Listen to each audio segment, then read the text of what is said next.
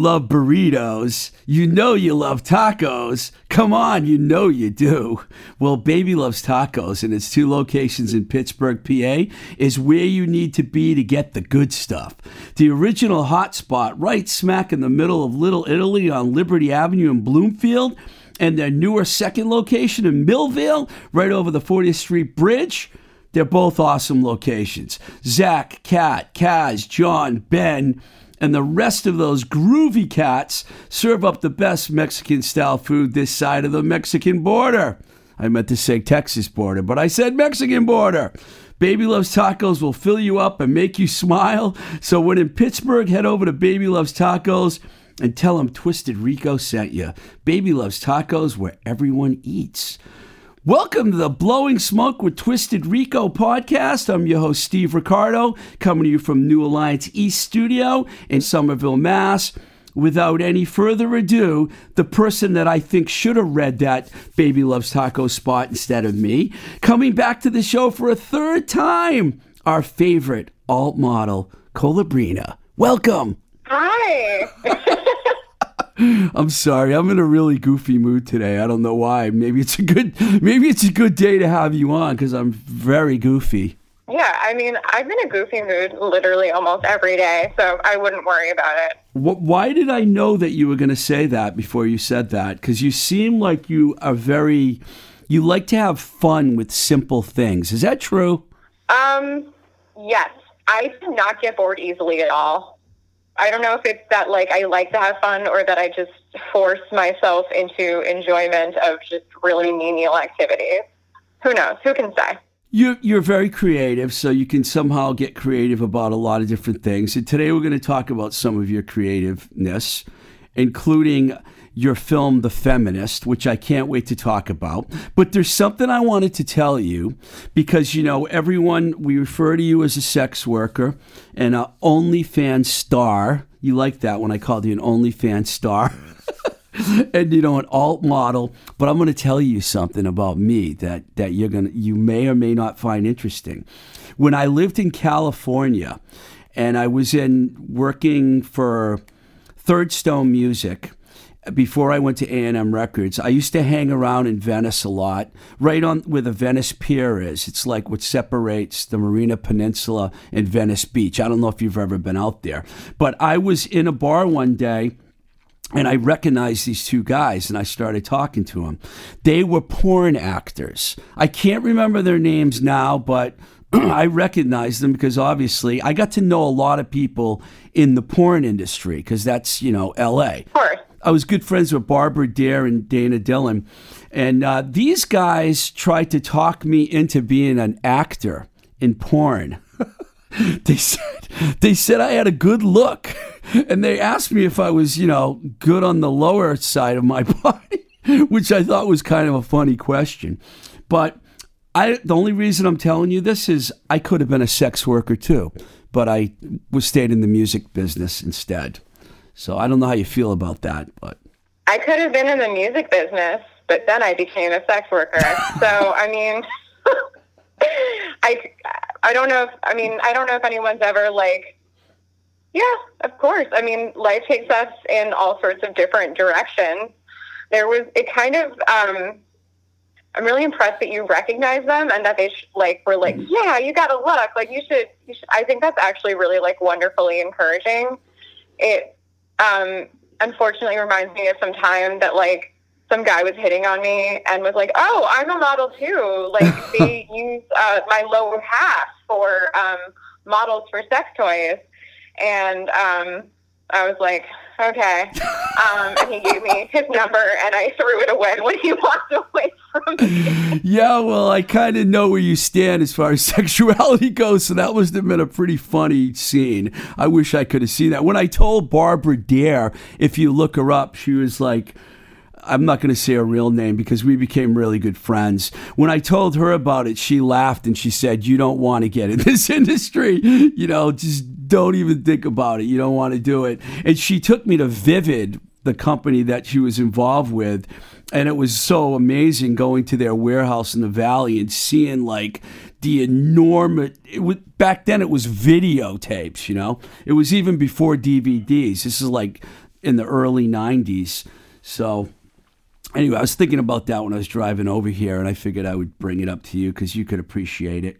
I think. Do you ever have any regrets? Do you ever like stare into the distance and wonder what could have been? Well, well, no, because I did, like most people do, and really will admit, did do some home video work with some of my ex girlfriends. They, pro- I'm not going to mention their names because they probably wouldn't want they probably don't even they thought I probably erased the tapes, which I'm not going to say if I did or not. But I wasn't but very. you have the memories. yeah, I, I, wasn't very impressed though with my ability to uh, to do it on video. So you know, so that's what. No, I don't have any regrets. I can't believe I'm having this conversation, but it's Colabrina, so you, you I can talk to you about these things, right? Of course. No, I can trust you. I was like, no. so so let's talk about your film, The Feminist. Um, I watched it. I really liked it. It's like about an hour, like what is it, fifty eight minutes long or something like that. It's almost an hour, pretty it's much. Too long. well, yeah, it depends. It depends how you look at it because I was feeling a real Warhol vibe. You know, Andy had all these really bizarre films that I loved from the seventies and when I lived in uh, Pittsburgh, the Andy Warhol Museum's there, and I used to go there all the time. Were you a fan of Andy Warhol at all, by any chance? That's a really awkward question. Okay, so I appreciate certain things that Andy Warhol did, and I'm not going to be like, oh no, he's never influenced me, but like as a dude, I'm pretty sure I straight up hate him because of the way that he exploited his muses, and like especially, I have a lot of empathy the most towards Edie Sedgwick. And I remember watching the movie Factory Girl and just being so I don't know if you've ever seen Factory Girl, but it's really more um, focused on the relationship between like Warhol and Sedgwick. And I think Andy Warhol is sort of the reason that I became so viscerally grossed out by the word muse and how I started to hate it when people called me a muse when they would hire me to like model. They'd be like, "You're my muse," and I'm like, "I did not consent to being your muse, sir." So at the same time, like I've seen a fair amount of Warhol's films, and I've been like, "Oh yeah, this is cool." Like I I understand the influential basis of what I'm doing and how that can be connected to that. Um, but uh, at the same time, you know, there's always that complicated piece that we don't need to like, you know, go into to, for too long of being like separating the art from the artist and like how much can we appreciate knowing that somebody who made something really cool was a total bag of dicks. Um, Wow, so, I didn't yeah, expect that's to. I stand on that. I understand, you know, how some people probably don't like everything he did, you know, and I know there was a lot of controversy there, you know. So I, I respect your opinion on that. In the uh, film, there's so many different parts. I don't know where to start, but I, the, what I pulled out, I just pulled a few things out. There was one section where there's a conversation going on. I'm not sure if it was between you or Rush because sometimes you're talking, but I don't know if you're talking to anyone. I just think you're talking. And you were talking about how women have a larger support mechanism than men do. And that was a really interesting thing that you brought up. Can you elaborate on that? Because I totally agree with you. It seems that whenever I've had relationship problems in my life, I would prefer to discuss them with a woman rather than another man. I'm happy to elaborate on that. Um, so I think to give credit where credit is due, I did not at all originate, you know, this understanding of kind of a social trend. I kind of read an article um, or listened to a sequence. I know it's not as like special, but it's the truth. Um, it's from like on NPR. The thing is called like, guys, we have a problem. How American masculinity creates lonely men. And so I remember a friend of mine sending me that article and my brain just sort of inflating and exploding all at once. because I think I had been very confused by um, how men interact with each other sometimes, or how like cis men are supposed to interact with each other sometimes. And so, like the article or the kind of like radio sequence sort of talks about um, first like a friendship between like two young boys and how they like support each other and how they care for each other. And as I'm reading this, you know, I'm already kind of understanding because I've read the title of the article the way that this can devolve once they become adults. And I'm already mm-hmm. kind of mourning the closeness that they've shown each other as children because, like, at some point, someone's going to be like, that's weird. Yeah. or know, kind of like, yeah, it's, um, it's an amazing kind of like article um, or recording, depending on which, you know, source you check out. Was it completely accidental that that topic came up when you were filming, or did you plan on that, or did you just happen to pop into the con? Was that a conversation that you were having with Rush, or was that just you just talking? That was actually just me talking. It was from a so the films are kind of a collection of a tons of different sort of footage, and so some of it has recordings of audio over different video, and vice versa. So it's kind of like, and this is kind of attached to the editor of these things, like my collaborating partner, um, who goes by Jimmy Tube. Um, so a lot of the creative decisions are his as well as mine. Because, you know, this is kind of us together. So I'll do my thing, and, you know, they'll use what I do and kind of put it together. So it's from a totally separate thing in which I wasn't talking to Rush. I was just like on video, probably doing something super menial, like or regular, um, like putting on lotion. And I was just kind of talking about um, being on the phone with my friend and her realizing that um, her boyfriend's friends knew nothing about him and that she was like the only person that knew things about him. And I thought that sounded really burdensome for her Hmm. and also like oddly stressful because she was she had concerns about him and she was trying to share these concerns with their mutual friends and they were like, "Oh, hey, I actually didn't know about this thing and this thing and this thing." And she wasn't even trying to bring up anything that was particularly super intimate, just kind of general things. And because I'm so enmeshed with my way of life, I'm so confused about like having by by the idea of having friends that don't actually know a lot of things about me and only having my partners romantically know things about me. Like that's very confusing for me and how I've lived, and it, it kind of made me sort of confront um, a larger um, kind of like idea and demand and strain on relationships that I'd never really considered for cis man cis men in our culture. And the article also kind of goes on to mention like um, a man who had gotten divorced recently and him feeling like so so isolated because his wife was his support system Hmm. and i and i just was really really enthralled by this um, idea and so like seeing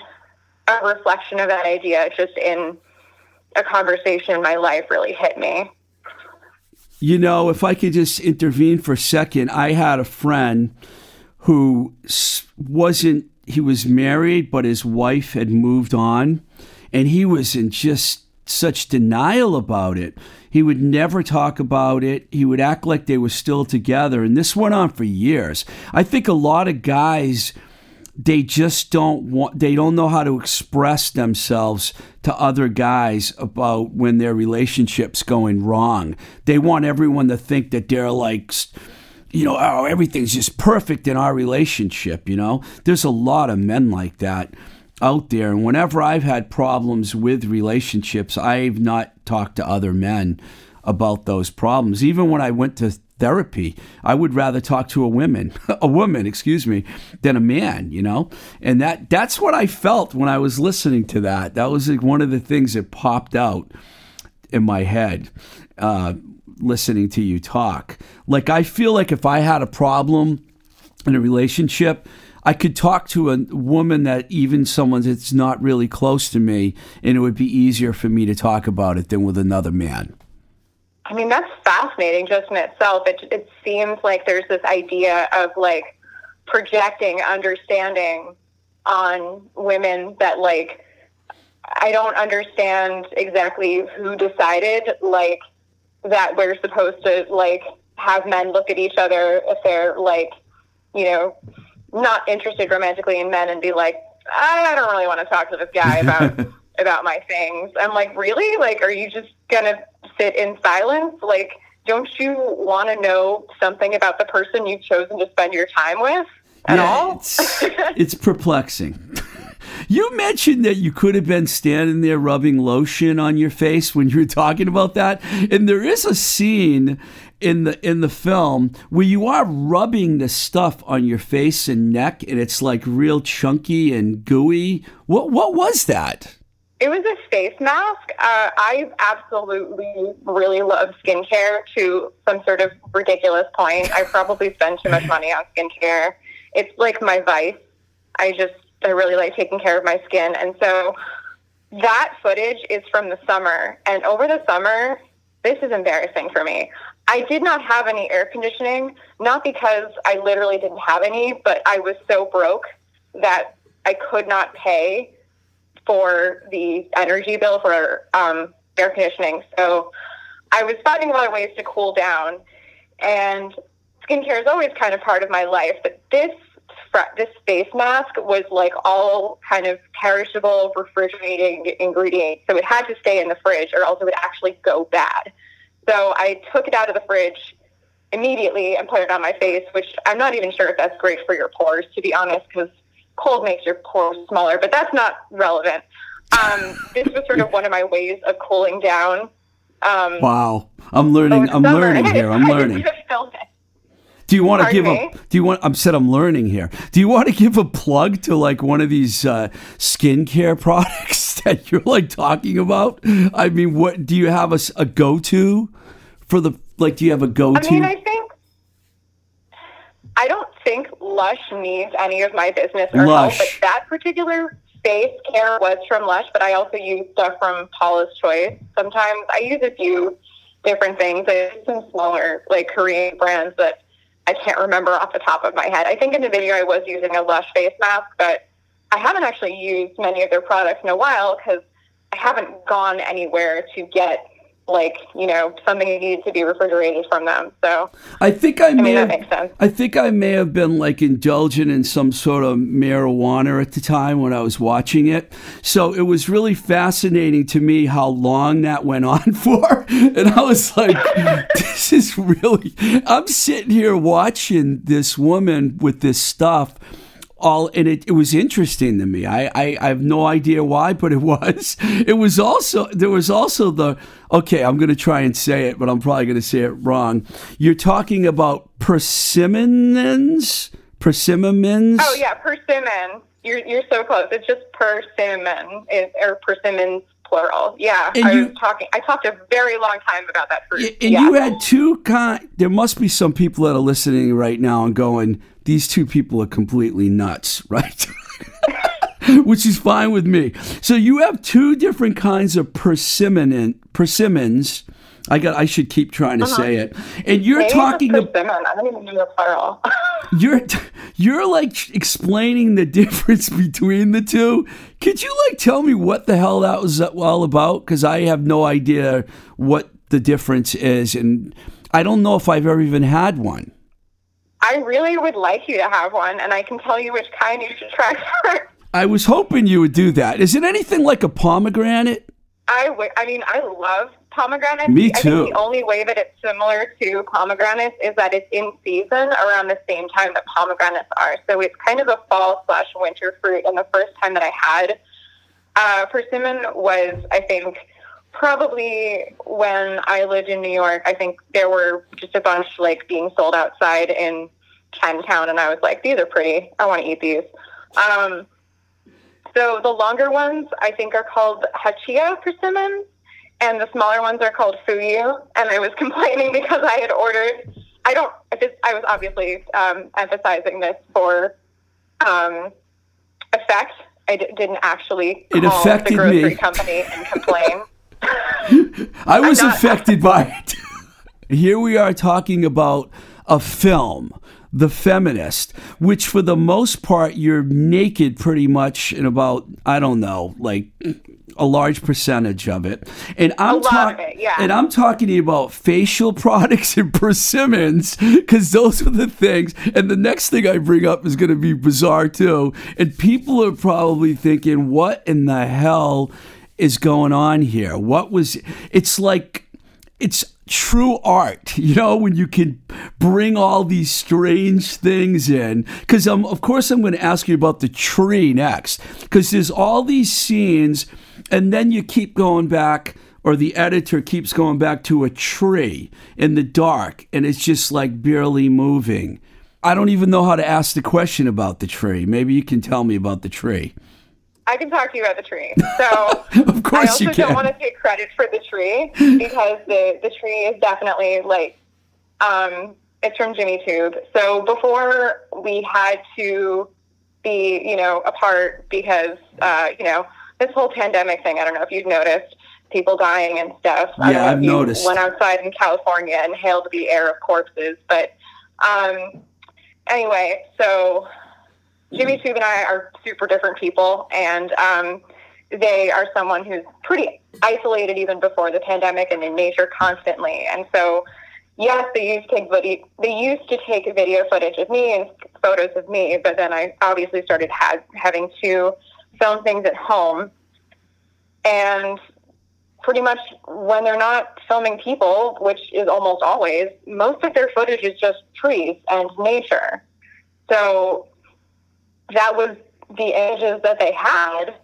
it was a tree. And so it sort of represents their kind of isolation just in general of like being in Oh. nature, I see that. being I see in, that. Yeah. like just surrounded by and now this isolation can sort of work for everyone in that parallel, but it kind of just started off as a personal sort of thing for them.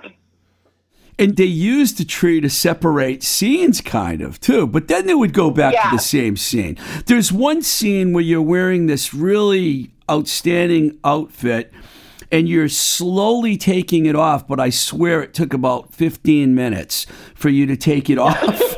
I mean, it was like the longest. I mean, anyone out there that's wondering what kind of film this is and they're thinking because Colabrina is a sex worker and that's what she does, there's nothing about porn. This is so far from porn that it's it's not even close. It's not in the same category. So if you think you're going to get a film and you're going to be watching it for the porn, there's no porn. Am I correct when I say that? Yeah, this would not, I think, have that category comfortably. And this is not to say that like I have any problem. Very like porn positive, but I did not make this film to be like porn. Just that's not how my brain was working at the time. I'm just a little bit too weird to make anything very straightforward. Well, before I ask you about one of the scene, I'm going to ask you what your definition of the film is because I want to hear that. But I have to ask you about the rent is due scene because I actually thought your acting was really good in that segment. It seems like you're just having a conversation with yourself the whole time, but it was very, it was interesting. But I don't know what it had to do with the rent being due. I mean, um, that scene was sort of like an improvised sequence when I was thinking about what a virtual date might be. Um, Oh, cool. I like that. Thank you. And so the rent is due at the bottom. If you've noticed in the films, like there's all sorts of strange shit that's kind of written at the bottom. And some of them like are like eating or like rent is due. And I feel like it sort of adds this depth to like what you see versus what is going on like on someone's mind. Um, and it's I don't know if I would say it's kind of a forced distraction, but I understand it being distracting. Hmm. So I think the vibe is kind of like I'm on this date. I'm really like doing my best and, you know, to be sweet and adorable, or this person's on a date. Doesn't really have to be me. Um, but in the back of my mind, there's still all the kind of like pervasive, scary thoughts of like, how am I going to pay rent? What am I going to do? Or like, I'm hungry, or like just additional thoughts that kind of will invade us. And so it's sort of a multi-focus ADD exercise, I think, or ADHD exercise, um, of where I think we're always balancing multiple things. I think that also works for, you know, the time of the pandemic in which, like, you know, we talk about other stuff, but there still is this whole thing surrounding us. Um, and so having those kind of strange, like, things at the bottom referring to like a thought process that's completely different than what you're seeing um, is just that general general reminder that there's usually more going on with something than what you think. I that that makes sense to me, believe it or not. The thing, you know, when I was trying to figure out which film to get when I watched all the previews, the music oh, this this is going to blow everyone away that hasn't seen it. The music score is by kristin Hersh, who i absolutely adore. I'm a huge throwing muses fan. I love all her solo work. So when i heard her i was like okay that's kristin Hersh. her voice is like so recognizable that i immediately said this is the one tell us how in the world did Kristin Hersh end up doing the music score on this film? I wish I could take credit for this, but this all is really affiliated with Jimmy Tube, having done some video work with her and having gotten her permission to use her music for films. That did, did she actually see I, the film? Did she want to see it before her music was used? I wish I knew the answer to that. I think she kind of just gave certain permission for certain pieces and was like, you can use my work for films. I actually don't even know if she's seen this film, which is embarrassing for me. I don't know if she knows who I am. That's okay, as long as she's not mad. as long as she isn't mad or resentful, I'm happy. uh, usually, when you like have someone score a, a, film or do the music, they usually want money. So it doesn't sound. It sounds like she just did it because Jimmy and her had a relationship and they and she and he said she said use it which I think is totally cool because the music kind of fits.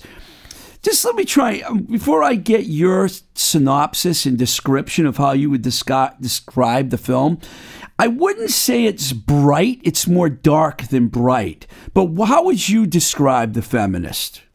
I think it's a little bit frenetic um, a little bit scattered um, definitely more dark than bright.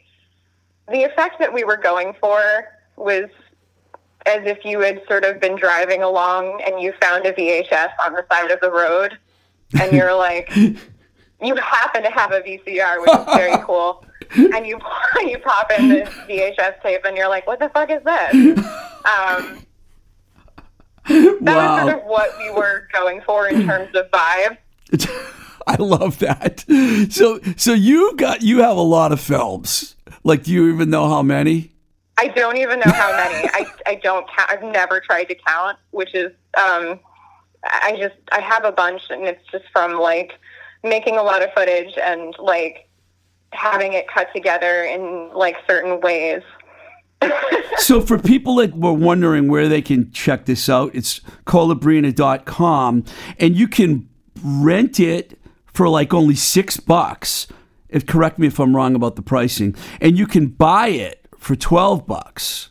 So it's a really good deal. If you want to see some really cool art, I, I give I give him an A. I give that film an A plus. It it got my attention, and I watched it twice, and both times I was like, I was transfixed on certain things in the in the film. So thank you for making such great art. I'm, I'm complimenting you right now in a, in a huge way. Thank you so much for checking it out and for not like throwing your computer or phone with which you watched it on because it's pretty much the opposite of TikTok or something like that. I appreciate it a lot. the opposite of TikTok. I like that. That would be the best way to describe it. This is the opposite of TikTok. Wow. Well, cool. So we told everyone where they can get the films, and I'm hoping that somebody goes out there and checks it out. I think people will. Is there any other ones besides The Feminist that you would highly recommend for people to check out? Or would, I mean, I don't know if that's your best one. It's the one that kind of drew me in out of all the previews because you can watch previews of all of the films and that's what got you know that's what i did. I watched all the previews and then i'm like i'm getting that one and i picked the feminine. Like, remember remember i called you and i said can you recommend one? But you didn't call me back fast enough and i said i can't wait. I'm just gonna i'm just gonna like pick one because i wanted to immediately start watching it and i did. But is there another one that you would recommend or is that I mean, is that even one of your favorite ones? I feel like my favorites change, and some of it gets to the point of like when I've been working on something for long enough, I will get like almost bored or resentful of it. So, like, you know, Feminist was my favorite at one point, and then I was like, oh, not this again. Um, and then, like, I'll take some time away, and then I'll be proud of it again. Um, I don't know if there's like, so I don't really know if I have a favorite right now. Um, I am proud of the feminist um, now that I've taken enough time It's Like, great. It really is. walking away from it. It really is great. I really love it. I'm serious. It's it's just fantastic. I mean, you should be proud of it.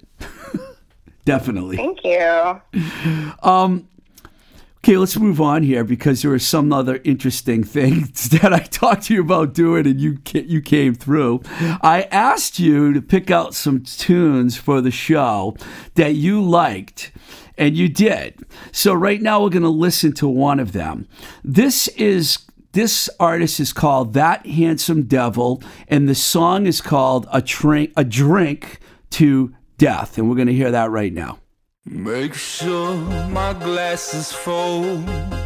Let's crash and see how fast we go. She took a shot and held a breath. I'm gonna drink myself to death.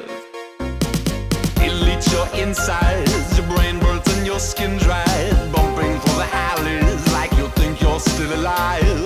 I wanna hold you closely, I wanna smell your sweat.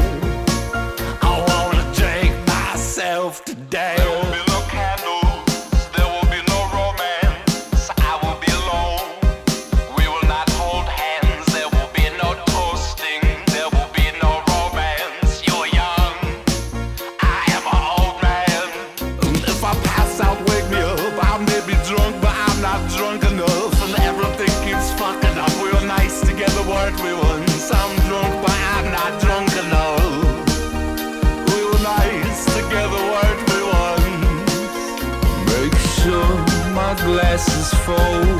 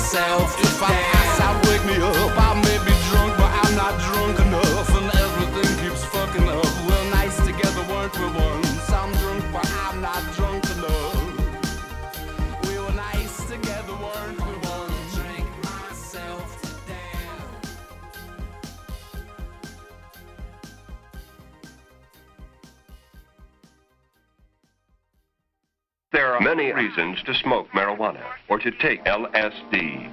Drugs produce the energy, the attention, the very ability to see what is. Those who take drugs produce new insights. One important part of the drug problem is that possession of them is illegal. It is an unenlightened law. The courts today are crowded with young offenders. Tragically, many of them are from good homes. This trend has alarmed every responsible segment of the community. Freedom can be so jeopardized by politics that more realistic values and a meaningful, less materialistic society may never have the opportunity of becoming a reality.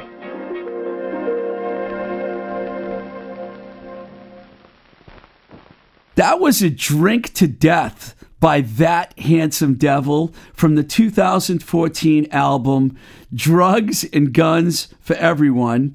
Cool tune for sure. Uh, what made what made you pick this song out? Was it the drinks, the guns, or the drugs? I'm being funny right now. I just absolutely love that song so much, and I remember like being so stricken by how there was sort of like I don't know. How do I put it? Um, You stumped me, by the way, because I never heard it. you never heard it before? No, I never had heard the song. So I love when someone tells me to check something out, and then I listen to it, and I'm like, wow, this is interesting. And the singer's name is God Forbid. I mean, how can you not appreciate someone with a with a name God Forbid? That's actually the name. I guess these guys are from Boston, but they moved to Brooklyn, and that's where they're based now. And they have a pretty big discog- discography. If if you like what you heard, people check them out. I mean, you obviously like them.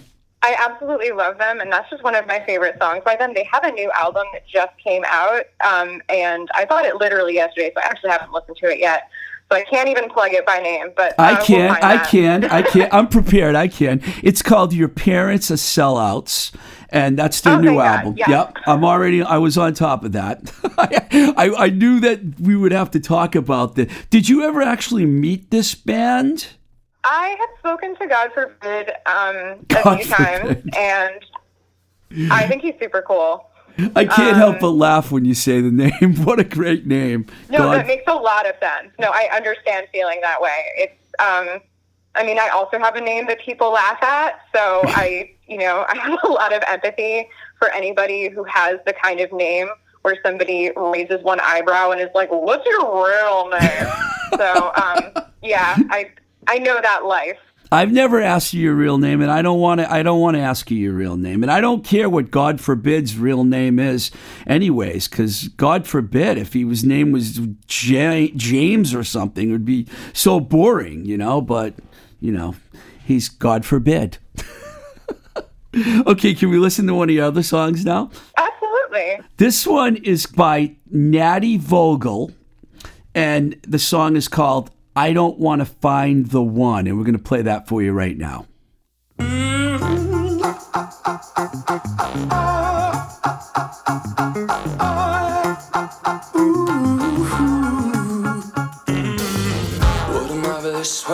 Never seen a scene quite so seen it with a life for the party. They say like they mean it, but if they wanted to connect,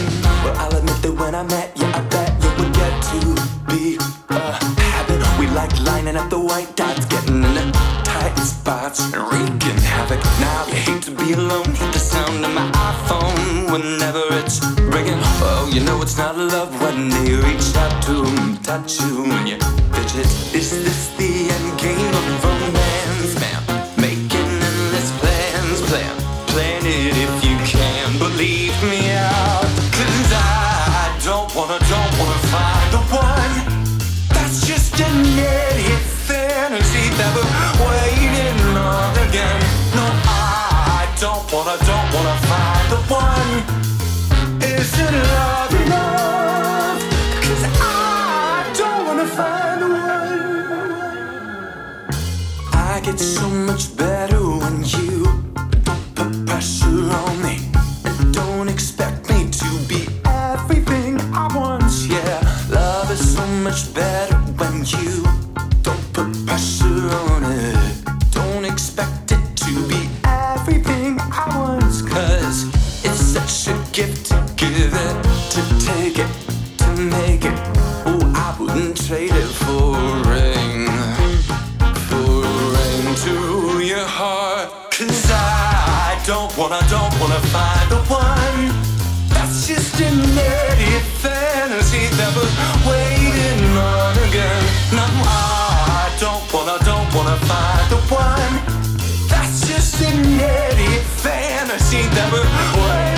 on again.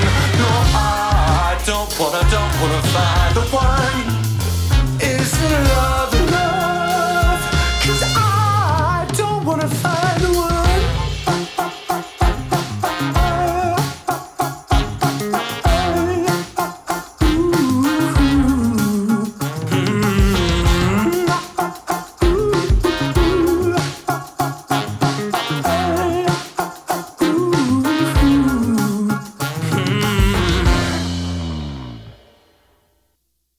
Was Natty Vogel.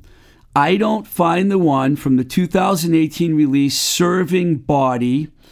Uh, Natty is also from Brooklyn. I, I also, you know, I listened to I listened to another one of the songs. It was called "We All Moved to Brooklyn," and I thought that was pretty cool. Which is equally this song was equally dramatic to me as the as uh, God forbid and uh, that handsome devil. uh, the I mean, the lyric is "We all move to Brooklyn when we die." and uh, I actually liked the piano on that one. I mean, that was really cool. So, so you into like drama pop? Is that how you would describe these artists? I mean, I myself am excessively dramatic, so I think I'm very much drawn to anything that will kind of cater to any theatrical aspect of me. So anything that has some kind of theatrical aspect, like I can, I can connect to. So I don't even know if I really pursued it as a genre in music, like consciously, as much as just would connect to anything that has that in the sound. Yeah. By the way, there is, I, far as I know, there is not a genre called drama pop. I just coined that phrase. if there may be a, a genre called drama pop, but I never heard it before. But I heard these two songs and I was thinking.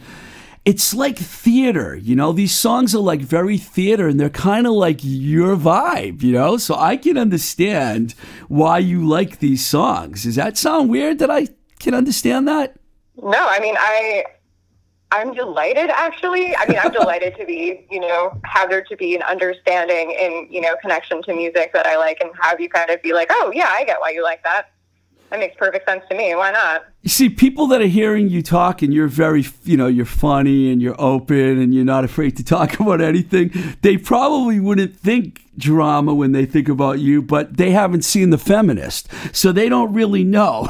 people that have, I see a lot of your work is very dramatic. I mean, it's like your your photography, you know, your photos, all the people you worked with. I've seen like all your stuff. You know, I went, I was on your OnlyFans. I watched your your naked yoga videos. I'm a fan, basically. You probably realize that. this is your third time on the show, so you probably realized it. So I think people have to check your workout. If they can't, like, just listen to your interview and think that they understand Colabrina, because no, it's not that simple. It's you're you're somewhat of an enigma in certain ways. I mean, I definitely can be. That was a pregnant pause. Drama. it's very strange to call oneself an enigma. I don't know if anyone should do it. I think it's a compliment in in a lot of ways because you don't people that you can understand right away and you figure them out right away. They're not that fun, you know. Eh, people that are more of an enigma to me are more fun, especially doing something like this, you know, art, you know, the art. So I let you pick out two songs, and then I was like, you know what? I'm going to pick out a song, and I'm going to let Colabrina listen to this song, and I'm going to get her impression of it. And this is an interesting one. I've played it before on my show. It's um, 50 Foot Furies, and the song is called My Body. So let's listen to that right now.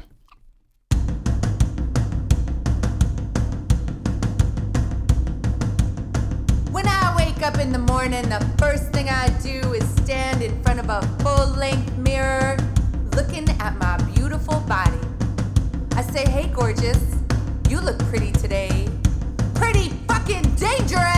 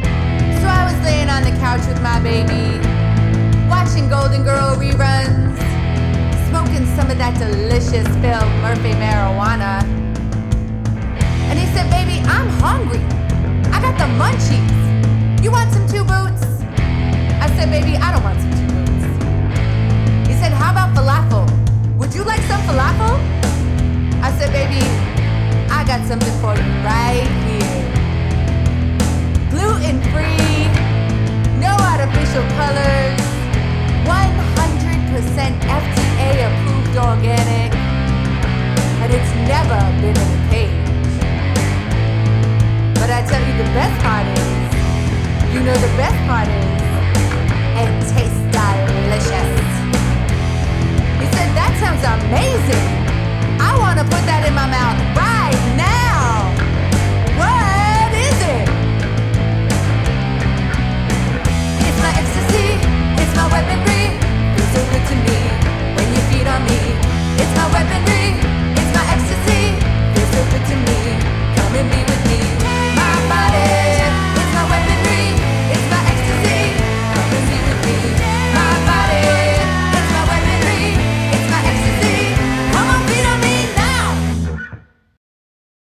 That was 50 Foot Furies from the album Miss American President.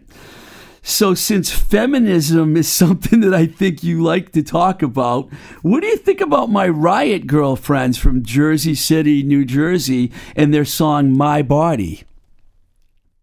That was fun though. Like that was an actually super fun song. I loved like all of the lyrics. I immediately felt like really energized and like powerful when I listen to it, which I definitely can see that as a point. I'm definitely going to check out the rest of their music too. They all they just sound like very cool people. Yeah, you can hear all their stuff on Bandcamp, by the way. So, I mean, it's uh, three girls and actually a guy played drums on, on the record. One of the women, Susan Luton, I mentioned this a lot.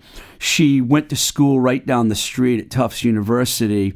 And I met her when she was a college student when I just had moved back to Boston and recruited her to be the bass player in this band that I managed, Three and a Half Girls. And she's been playing music ever since then, and that was around 1996, I believe. And now she's in this band, and they're very political, and I, I like it. I like that about them. When you listen to some of their other songs, this one right here, I figured was perfect for for you to hear. I thought you would appreciate it. Oh yeah, I absolutely loved it, and I like that they mentioned Two Boots Pizza. That made me really hungry. yeah, the whole uh, talking segment of the song is really. it's like really, it's really good. I like women that you know try to they keep their their partner in line. You know what I mean? I mean, I needed more of that in my life. I needed to be kept in line more. You know, I mean, this band, you know, I mean, this is three kind of really different songs that we just listened to. So the diversity. Yeah, definitely. But it's great. Yeah, the diversity is there. So, you know, I know that we're still in the middle of this pandemic, but do you have like future plans, like of things that you want to do now that we can feel like we're almost turning the corner here?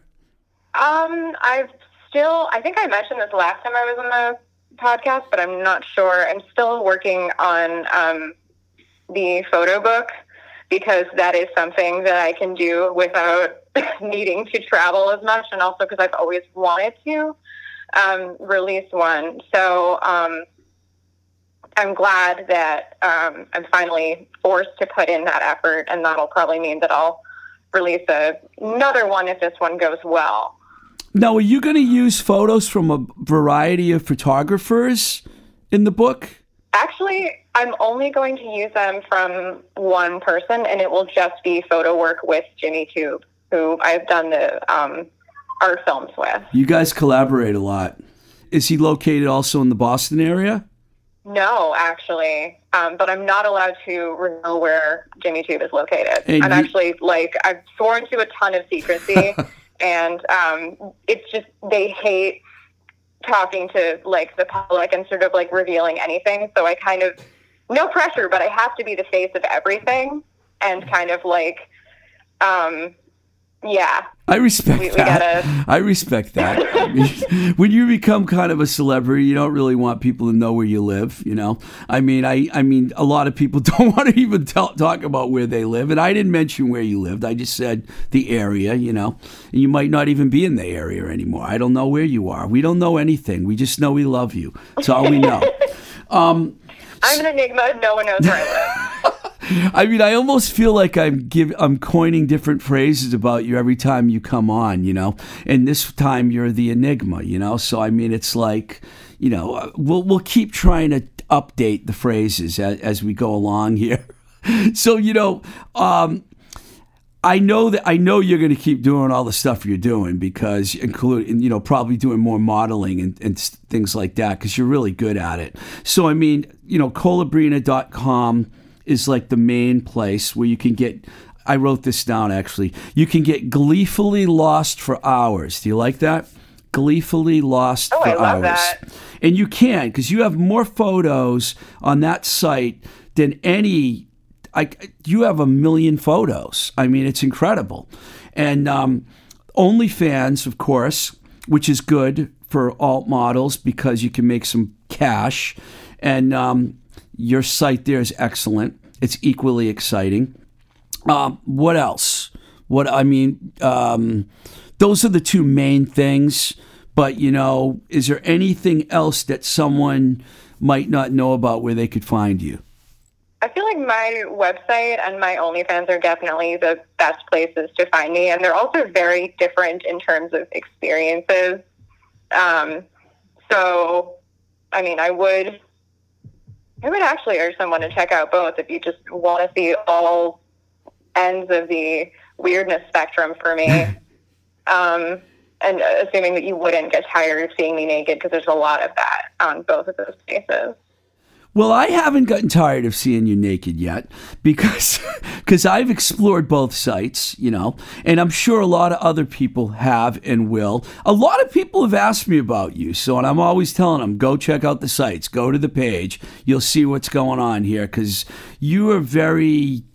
There's definitely the artistic aspect to everything that you're about is high for me is is the highest. That's where it is. That's your your level of art artistic ability is very high.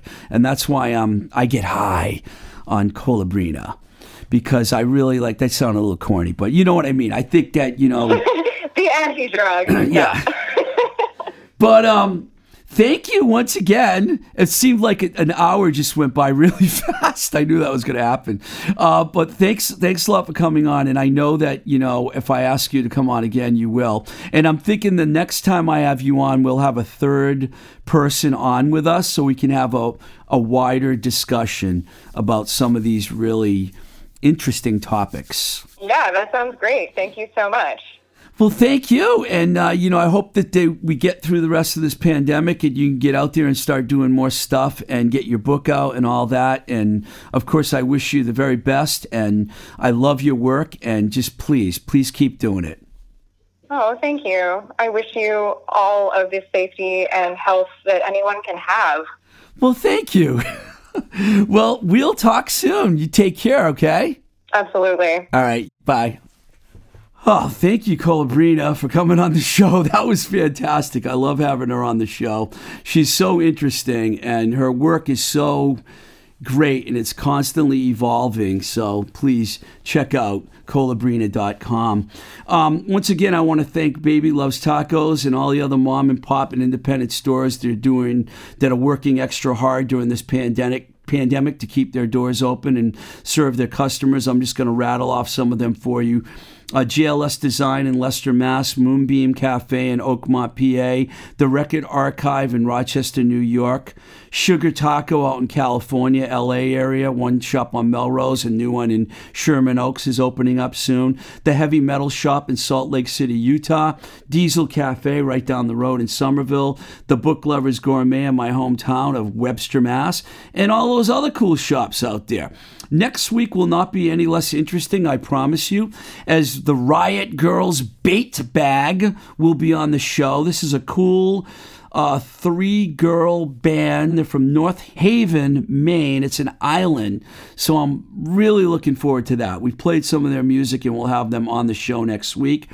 Before leaving, we want to thank our engineer Nick C here at New Alliance East in Somerville, and also our patrons whose monthly contributions keep the Blowing Smoke with Twisted Rico podcast going.